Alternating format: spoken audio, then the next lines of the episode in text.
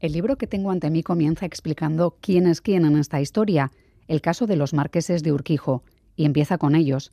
María Lourdes de Urquijo, tres veces marquesa, y su marido Manuel de la Sierra. Tenían 45 y 55 años respectivamente cuando fueron asesinados mientras dormían. Ella recibió dos tiros, él uno a quemarropa. Era el 1 de agosto de 1980 y todo ocurría en su casa de Somosaguas, a las afueras de Madrid. Habían asesinado a los propietarios de uno de los mayores bancos de España.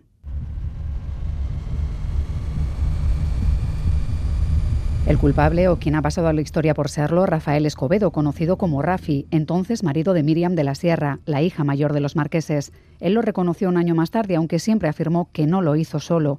Rafi se suicidó en prisión en julio de 1988. Cumplía una condena de 53 años de cárcel por doble asesinato. Soy Miriam Duque, la encargada de abriros esta Gambara Negra, un podcast de crónica negra en el que hacemos que ciencia, especialistas y pruebas hablen más que nosotros para recomponer la actualidad y tratar de entender la mente de quienes se escoran al lado oscuro.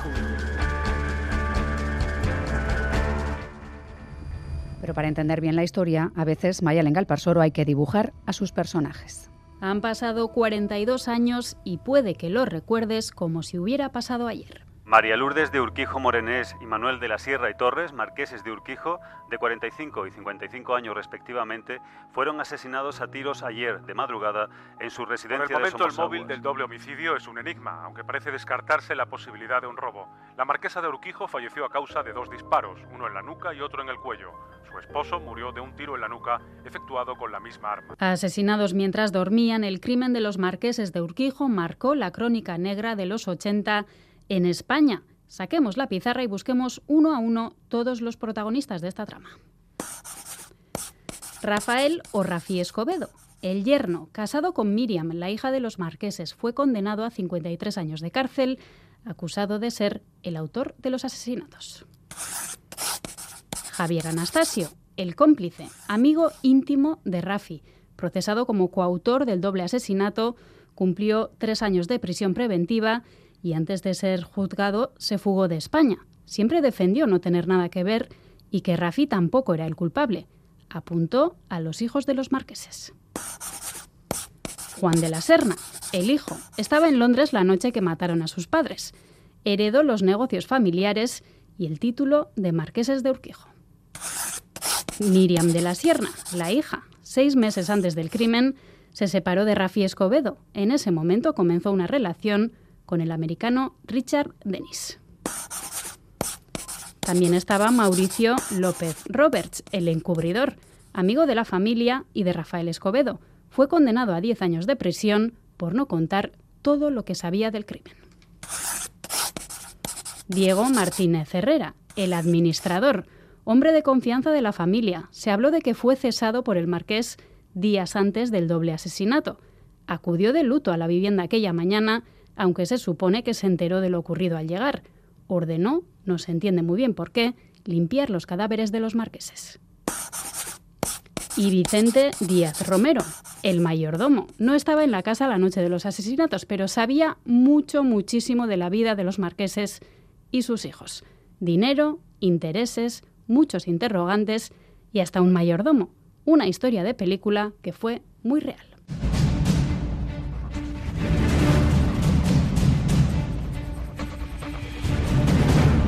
Se descartó el móvil del robo y se investigó el entorno más cercano. Rafi Escobedo fue detenido y en los calabozos de la Puerta del Sol confesó en una nota ser el culpable de las muertes.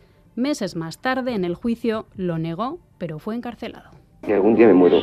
Lo único que espero es que nadie tenga la poca vergüenza de ir a derramar una lágrima sobre mi ataúd sobre mi tumba. Ese fue el último testimonio de Escobedo desde la cárcel de El Dueso. Días más tarde apareció ahorcado en su celda.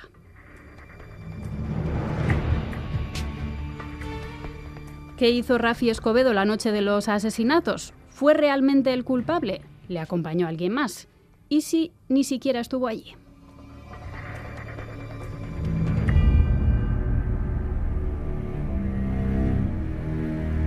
De algunas de esas incógnitas y otras muchas habla Honor, las otras víctimas del crimen de los marqueses de Urquijo, un libro que pretende restablecer la reputación de quienes fueron condenados entonces, entre ellos Mauricio López Roberts, quinto marqués de la Torre Hermosa. Sus autoras son la periodista Angie Calero y la marquesa de Torre Hermosa, Macarena López Roberts. Macarena, ¿qué tal? ¿Cómo estás? ¿Cómo estás? Gracias por recibirnos en vuestro programa. Y también está Angie. Angie, muy buenas, ¿qué tal? ¿Cómo estás? Hola Miriam, muchísimas gracias por recibirnos. Muy bien. ¿Qué tal va la presentación del libro, Angie?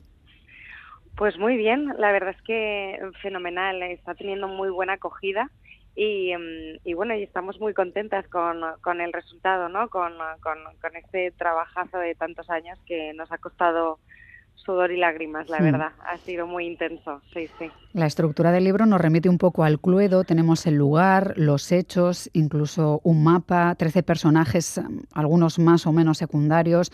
Uno de ellos, Mauricio López Roberts y Melgar, Márquez de la Terremosa, era amigo de Rafi Escobedo y también tu padre, Macarena. Fue procesado por encubrimiento y condenado a 10 años de cárcel. Él siempre pensó que su amigo no había apretado el gatillo.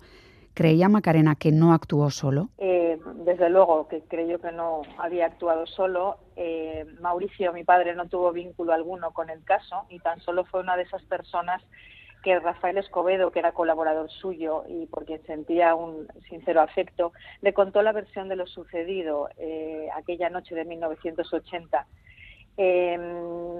evidentemente la, la sentencia recoge que que fue solo o en compañía de otros el crimen de sus suegros y es por ello por lo que Mauricio eh, se sintió en la obligación moral de contar a la policía aquella información eh, que tiempo atrás no consideró eh, que fuera real y que finalmente pues pues pues sí acabó siéndolo y evidentemente no estaba sola solo perdón y, y otros son los que consideramos que urdieron el plan. ¿Quién creía tu padre que mató a los marqueses y por qué? Él no lo, no lo supo nunca, pero pensó que, era, que estaban dentro del círculo eh, familiar más íntimo. Y la razón es una razón económica. ¿Podemos decir que investigó el caso durante tiempo? Sí, lo investigó por su cuenta eh, junto con otro periodista amigo y mm, llegaron a la conclusión que hemos comentado anteriormente. Eh, sin embargo, pues por mucho que él intentó eh, colaborar con la policía, eh, su testimonio resultó incómodo para quienes dirigían las investigaciones y juzgaban el caso. Por eso fue puesto en la mira de unos y otros y a su vez imputado y finalmente condenado a 10 años de prisión. Llegó a escribir un libro en 1985, si no tengo mal los datos, pero un juez secuestró la publicación. No sé si habéis llegado a leerlo, Angie, porque sé que tú has hecho mucha labor de meroteca también. No sé si has podido repasar sus páginas. Sí, yo supe de la existencia de este libro por Macarena y, Macarena tenía un ejemplar que se salvó de, de, ese, de, ese, de ese secuestro editorial, que fue el primer secuestro que hubo en, democracia. Y, y, bueno, y la verdad es que lo hemos leído varias veces y nos ha servido un poco de guía para saber exactamente qué era lo que, lo que Mauricio defendía sobre, sobre, sobre el caso Urquijo y sobre lo que ocurrió. Macarena, tú tenías 22 años cuando tu padre es condenado. Con este libro que tenemos eh, aquí, Honor, ¿logrará restablecer la reputación de tu padre? Eh, creo que tenía un poquito menos, casi 19. 19. Eh, y espero que sí, porque mi padre es al final una de esas víctimas, como reza en el subtítulo del libro. Y, y, sí, me gustaría que por fin esta mezcla de realidad y ficción es también un recuerdo agradecido y un homenaje que siempre se por principios y valores aprendidos desde la infancia, sin importarle, como se ha visto, los riesgos de llevarlo hasta, hasta sus últimas consecuencias. También es un alegato al por el derecho al, olvido hmm. y también una llamada a la responsabilidad de los medios y lo que queríamos era abrir un debate en torno a garantizar en la medida que nadie eh, pueda ampararse en la clandestinidad de las redes sociales y estar por encima de la ley. En este sentido, mi padre y mi familia y mi apellido y nuestro nombre ha sido muy vapuleado y vilipendiado y este libro al final recoge esas sensaciones y, y sobre todo lo que quiere es eh, olvidar, hmm. abrir el caso hablar de él para poder olvidar y para que sirva de ejemplo a las nuevas generaciones. Es otra de las cuestiones que, que está en, eh, en estas páginas, el derecho al olvido en redes, que es francamente complicado. Hoy, Angie, tenemos, eh, o las dos, eh, os pregunto, tenemos interiorizado que si nos encontráramos ah, en la escena de un crimen o ante una situación que pudiera parecerlo, no debemos tocar nada, no hay que alterar el cuerpo ni el entorno.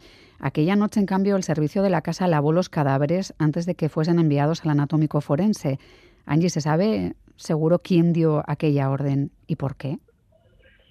La orden, no cabe duda, siempre se supo que, había sido Diego Martínez Herrera quien ordenó lavar esos cadáveres, eh, porque además así lo ordenó él mismo y lo dijo, lo declaró ante la policía y el juez. Eh, en realidad nos, nos, resulta un poco extraño pensar que, que, eso, ¿no? Que a día de hoy alguien pueda decir eh, lavar los cadáveres. Eh, en el imaginario, en la conciencia de, los años 80, eh, entiendo que igualmente es por lógica común y aplastante, ¿no? Que, la escena de un crimen no se debe tocar absolutamente nada. Pero bueno, él, él, dio esa orden y cuando decía que por qué, cuando se le preguntó por qué en el juicio, dijo claramente que, que, que, bueno, que los cuerpos de sus amos que no iban a ser examinados por por un forense sin estar medianamente medianamente, bueno, pues aseados, ¿no? o sea, presentables de cara a la opinión pública, ¿no? Por si acaso había fotografías, por ejemplo. Exacto, pero bueno, las fotografías que luego se publicaron fueron de los cadáveres esas eh, mm, fotografías tan espantosas, eh, ahí estaban los, los, los, cuerpos tal cual, ¿no? Entonces, bueno, sí que es verdad que eh, fue la, la primera de, de, muchas incongruencias que se cometieron tanto en la escena del crimen como, como en la investigación posterior. De hecho, se escribió muchísimo sobre lo que ocurrió en esas horas eh, tras eh, los disparos, tras descubrir los cadáveres, eso, esa parte de lavarlos. Se habló también de quema de documentación tras el asesinato de los marqueses y de que no había una gran relación entre los marqueses y sus hijos. ¿Cómo se llevaban? Sí, todo eso quien lo, quien lo pone un poco en conocimiento de la policía fue el propio mayordomo, eh, Vicente Díaz Romero, al que entrevistamos en, en el libro y, él un poco fue el que, el que puso contexto a los investigadores de las malas relaciones entre, entre padres e hijos, como el padre, el marqués en concreto, era un hombre muy disciplinado, muy, muy exigente, como la marquesa, pues bueno, se dedicaba más a otras cosas, ¿no? Estaba en casa, pero no acababa de estar, estaba muy enferma además, tenía problemas de movilidad y algún problema también eh, psicológico. Y, y, bueno y entonces eh, bueno siempre siempre desde el primer momento se supo que, que esos que esos hijos pues se llevaban mal con los padres que discutían mucho y aparte de eso a los hijos los llamaban los pobres de Somos Aguas no que era la urbanización donde estaba donde estaba esa casa. Y, y al parecer eh, según los testimonios de entonces y la documentación a la que hemos tenido acceso, pues se decía que sí, que efectivamente eh, ellos vivían, vamos, que nadie podía decir que eran los hijos de los propietarios de Banco Urquijo, una de las mm, mayores fortunas del país en ese momento. Claro, vemos que el dinero volvía a estar en el trasfondo de, esas posibles malas relaciones eh, y, y, también nos gustaría ver cómo eran las relaciones que había entre Rafi y Miriam Macarena antes de la llegada de Dick, al menos. Pues eh, yo eh, en esa época tenía 12 años y eh, Rafa era una persona que, era amigo de mis padres y que aunque había una diferencia de edad, pues compartíamos cierta intimidad familiar y algunos planes. Pero yo no, no los vi nunca juntos, a Miriam y a Rafa. Creo que fue muy breve, sé que fue muy breve su relación y que era pues, pues realmente estuvieron poco menos de un año de casados y, realmente es que no tenían mucho que ver. Al final, una resistencia por parte de los padres de Miriam a esa relación y a ese matrimonio, pues no ayudó nada en, bueno, en mejorar las cosas entre ellos. Y en ese momento Ambos llega de sufrir mucho, mm. fue una relación eh, desagradable, corta y exageradamente conflictiva y claro, pues llegó otro señor con otra manera de ser, otra edad, otra experiencia y desbancó completamente a Rafa. Y, bueno, Miriam se debió enamorar seguramente de Dick. De hecho, tuvo una relación larga y tuvo hijos con él. Claro, en el devenir de las investigaciones, Angie, entiendo que los focos se pusieron precisamente en qué ganaba Rafi con asesinar a los marqueses de, Urquijo, cuál podía haber sido el móvil, qué pasó entre eh, Rafa y Miriam para acabar separándose, por qué entra Dick en escena. Entiendo que esto mm. tiene también su parte de culebrón para aquel momento y eso haría que también se diese muchas vueltas y se escribiese mucho sobre esta parte, ¿no? Claro, el tema es que al final el caso Urquijo tenía todos los, los, alicientes, por así decirlo, para que fuera un crimen que enganchara, porque más allá de las relaciones entre entre padres e hijos y el móvil económico, todos los móviles que surgieron alrededor de esto, encima estaba esta parte de, móvil pasional, ¿no? Que el móvil pasional siempre es algo que, que en los en los sucesos y, y en las investigaciones criminales como que siempre siempre ha tenido un, un, un poder eh, de atracción y de y de intriga muy muy grande. Y aquí lo había. Y, y es verdad que nunca se supo muy bien porque Rafi bueno fue fue leal hasta la muerte a, a Miriam y a, su cuñado y a Juan de la Sierra. Y no se sabe muy bien exactamente por qué se metió en este lío. Hay gente que lo entrevistados que sacamos en el libro que, que lo, lo tildan simplemente de, venganza hacia el marqués porque el marqués fue el primero que, puso impedimento y que y que no quería que, que su hija se casara con Rafi y hay gente que va más allá, ¿no? Y que piensa que, hubo una implicación por parte de los hijos, que los hijos pudieron decirle a Rafi que se involucrase a cambio de algo a cambio de, se, dijo muchas cosas, se especuló con la idea de que, de que Miriam podría volver con él, de que se le prometería cierto, cierto dinero, cierta cantidad de dinero cuando, cuando todo eso acabase, que él, eh, en el, en el papel un poco que se había que se había escrito sobre esta historia, que se había estudiado, él iba a cumplir dos años de cárcel y luego le iban a sacar de la cárcel. Entonces, bueno, es como surgieron muchas hipótesis a raíz del móvil pasional y al final el hecho de que surgieran tantas hipótesis en general, tanto pasionales como no, hicieron al final que este crimen se llame el crimen perfecto, que es un poco también lo que nosotros hablamos en, en, honor en el libro que acabamos de publicar. El crimen perfecto. Queda por eh, analizar, bueno, hay muchas figuras que van apareciendo con menor o mayor intensidad, que juegan papeles oscuros, como puede ser el de Diego Martínez Herrera, pero también está la figura de Javier Anastasio. ¿Quién es y cuál fue el papel en, en aquel 1 de agosto de 1980? Pues el, papel de, Javier esa noche fue que estuvo con, con Rafi Escobedo de copas hasta bastante tarde y en un momento dado eh, Rafi le pide a Javier que le acerque hasta la casa de Somos Aguas, donde vivían los marqueses, y entonces Javier le acerca y según Javier, lo que nos cuenta en, en esa entrevista que, publicamos en el libro, eh, Javier luego se va y dos días después Rafi le da una, una bolsa con los trastos de matar, como decía Mauricio, y, la hace desaparecer, la tira al pantano de San Juan. Entonces, en ese momento, de alguna manera, Rafi implica a Javier cuando le pide ese favor de que se deshaga de esa bolsa, ¿no? Eh, luego, en realidad, eh, hablamos con, con otros, con, con, otras personas cercanas al caso y nos dijeron que lo más probable es que, que, que Javier se hubiese quedado allí esa noche, ¿no? Que hubiese esperado para luego llevarse aquella bolsa nunca sabremos exactamente qué, cuál fue el papel, el, el, papel de Javier, solo lo sabe él. Para nosotros lo que nos contó fue esto y luego cuando ya eh, Mauricio cuenta a la policía lo que sabe e implica a Javier directamente y Javier es procesado, cuatro años después de estar en prisión lo ponen en prisión provisional a la espera de juicio y ahí es cuando Javier con 28 años decide fugarse de, España. Se, se, se fuga a Brasil, un país sin tratado de extradición, y, allí se quedó hasta que el crimen prescribió y volvió a España. ¿La fuga de Javier Anastasio Macarena complicó las cosas para tu padre? Eh, bueno, eh, no creo que complicara las cosas porque mi padre ya estaba en el punto de mira. Em, al final cabría destacar que el juez eh, que condenó a Rafael Escobedo, el hijo de ese juez, bienvenido Guevara, eh, juzgó el caso de mi padre, es decir, dos jueces de una misma familia condenando dos, dos casos que son que tenían la misma raíz común, ¿no? Realmente tanto Javier Anastasio como mi padre eh, estaba claro que al final iban a tener que cumplir con su obligación legal por cada uno su obligación. Lo que pasa es que Javier eh, se lo montó bien.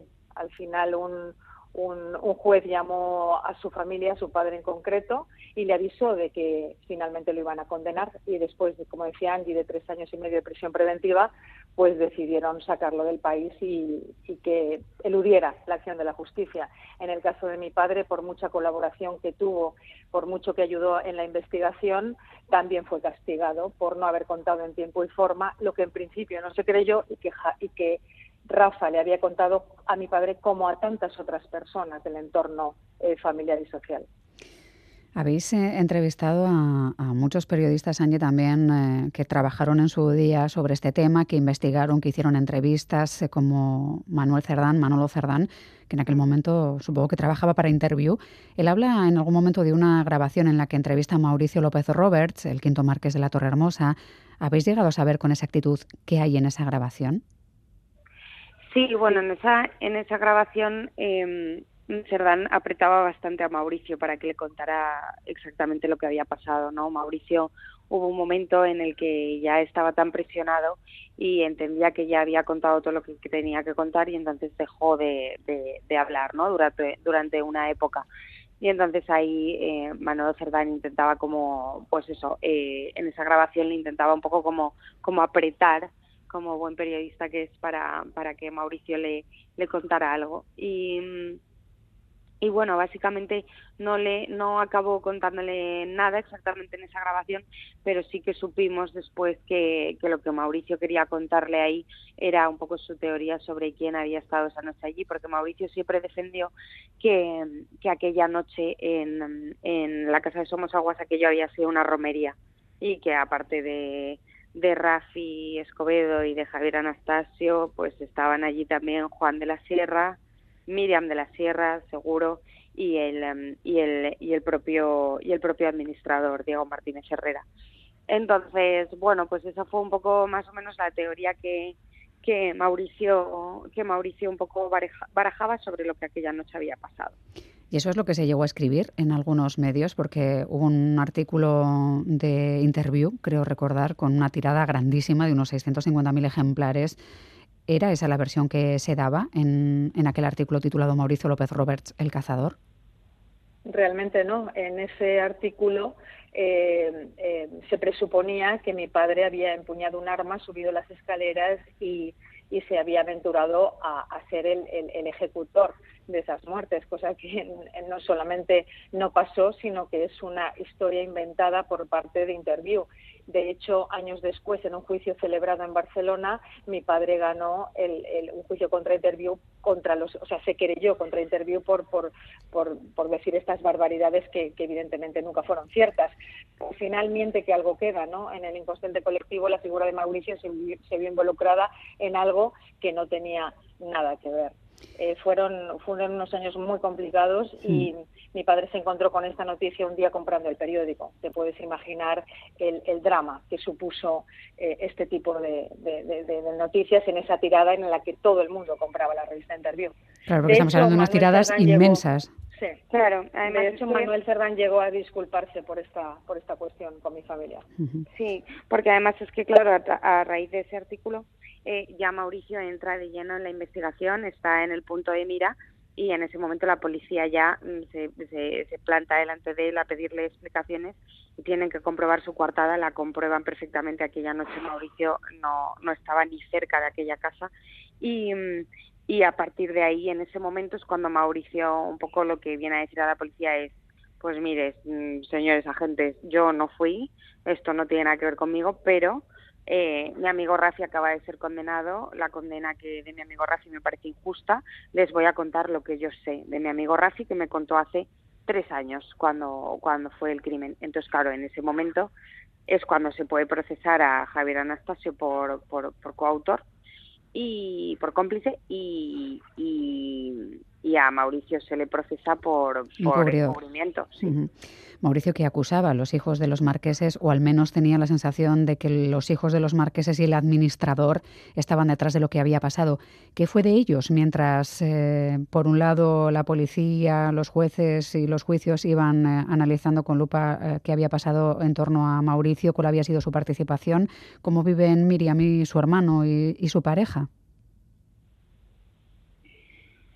Pues mm, nada, en ese momento, pues mm, Miriam seguía ya haciendo su vida con, con, su pareja, con, con Richard, Denis Rook, y, y él, em, hasta que Rafi no es condenado en el 83, eh, Miriam seguía casado con él y casada con él y ya en el momento de, de la en el 83 ya pide la, nulidad matrimonial y ya firman los papeles definitivos del divorcio hasta ese momento estaban separados y, y Juan de la Sierra por su parte pues nada es, el que se quedó en, en la casa de, de Somos Aguas los primeros años y, y nada durante todos esos años ellos también obviamente su papel tampoco fue fácil porque se, todo el mundo les señaló. Eh, siempre a día de hoy todavía yo creo que hay gente que todavía les señala porque no queda muy claro exactamente qué, pasó con ellos y si en algún momento eh, todas esas hipótesis de la mala relación que puede llevar a que ellos indujeran el, el crimen o lo pensaran de alguna manera pues, pues ha quedado ahí en el imaginario colectivo también.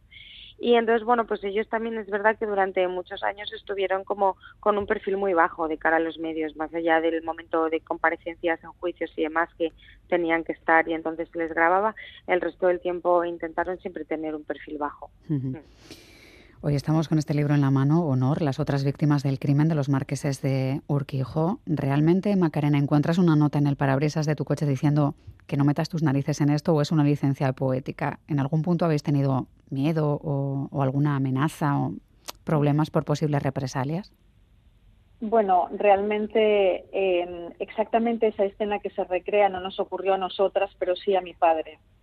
Entonces eh, es una licencia narrativa, pero de un hecho que realmente ocurrió e incluso fue realmente dramático porque el coche de mi padre apareció eh, rajados los asientos y, bueno, él vivió una, en una época una sensación de, vulnerabilidad y de peligro fuera de lo común.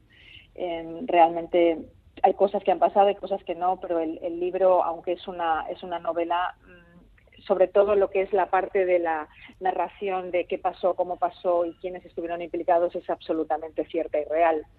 Eh, las, como tú bien dices, las licencias narrativas al final pues lo que pueden dar es un poquito más de ritmo a diferentes acciones o escenas, pero, pero lo que contamos es lo que, lo que pasó con pelos y señales y esperamos que el lector se haga su propia composición de lugar con los datos eh, que aportamos. Desde luego es un viaje a lo que parece que ocurrió la madrugada del 1 de agosto de 1980. Al acabar este libro, Angie, estaremos más cerca de saber por qué asesinaron a los marqueses de Urquijo. Bueno, estaremos más cerca de, de, atinar en las hipótesis que a nosotras nos parecen más verosímiles, que es un poco lo que, lo que Mauricio defendía. Después de leer los 3.000 mm, folios de los dos sumarios que componen el caso Urquijo, el primero el de Rafi Escobedo y luego el de el de Mauricio y Javier Anastasio, y después de haber leído y haber entrevistado y tal, pues bueno, a nosotras es verdad que eh, hemos enfocado el libro hacia, hacia una hipótesis que es la que vemos más clara, que es el tema de las fundaciones de, del Marqués de Urquijo. No quiero desvelar más, no quiero hacer ningún spoiler, pero vamos, nosotras sí que creemos que, los tiros van por ahí, porque además era, eh, bueno, por fechas y por, y por cercanía a los asesinatos era, era lo más lo, lo, más factible, ¿no? Hay que tirar del hilo del dinero, que suele pasar mucho en estos casos. Exacto, suele, mm. la mayoría de veces cuando hay fortunas así, eh, pues claro, al final el dinero siempre juega, juega un gran papel. Entonces sí, creemos que hubo un, un móvil económico más que, más que de sobra. Mm. Pues os agradecemos mucho este tiempo de charla y este trabajo que habéis hecho. Macarena López Roberts, Angie Calero, autoras de Honor, las otras víctimas del crimen de los marqueses de Urquijo. Muchísimas gracias y hasta la próxima. Un abrazo, Macarena. Muchas gracias por todo, Miriam. Un fuerte abrazo. Lo mismo y otro abrazo para ti, Angie. Muchísimas gracias, Miriam. Además, enhorabuena.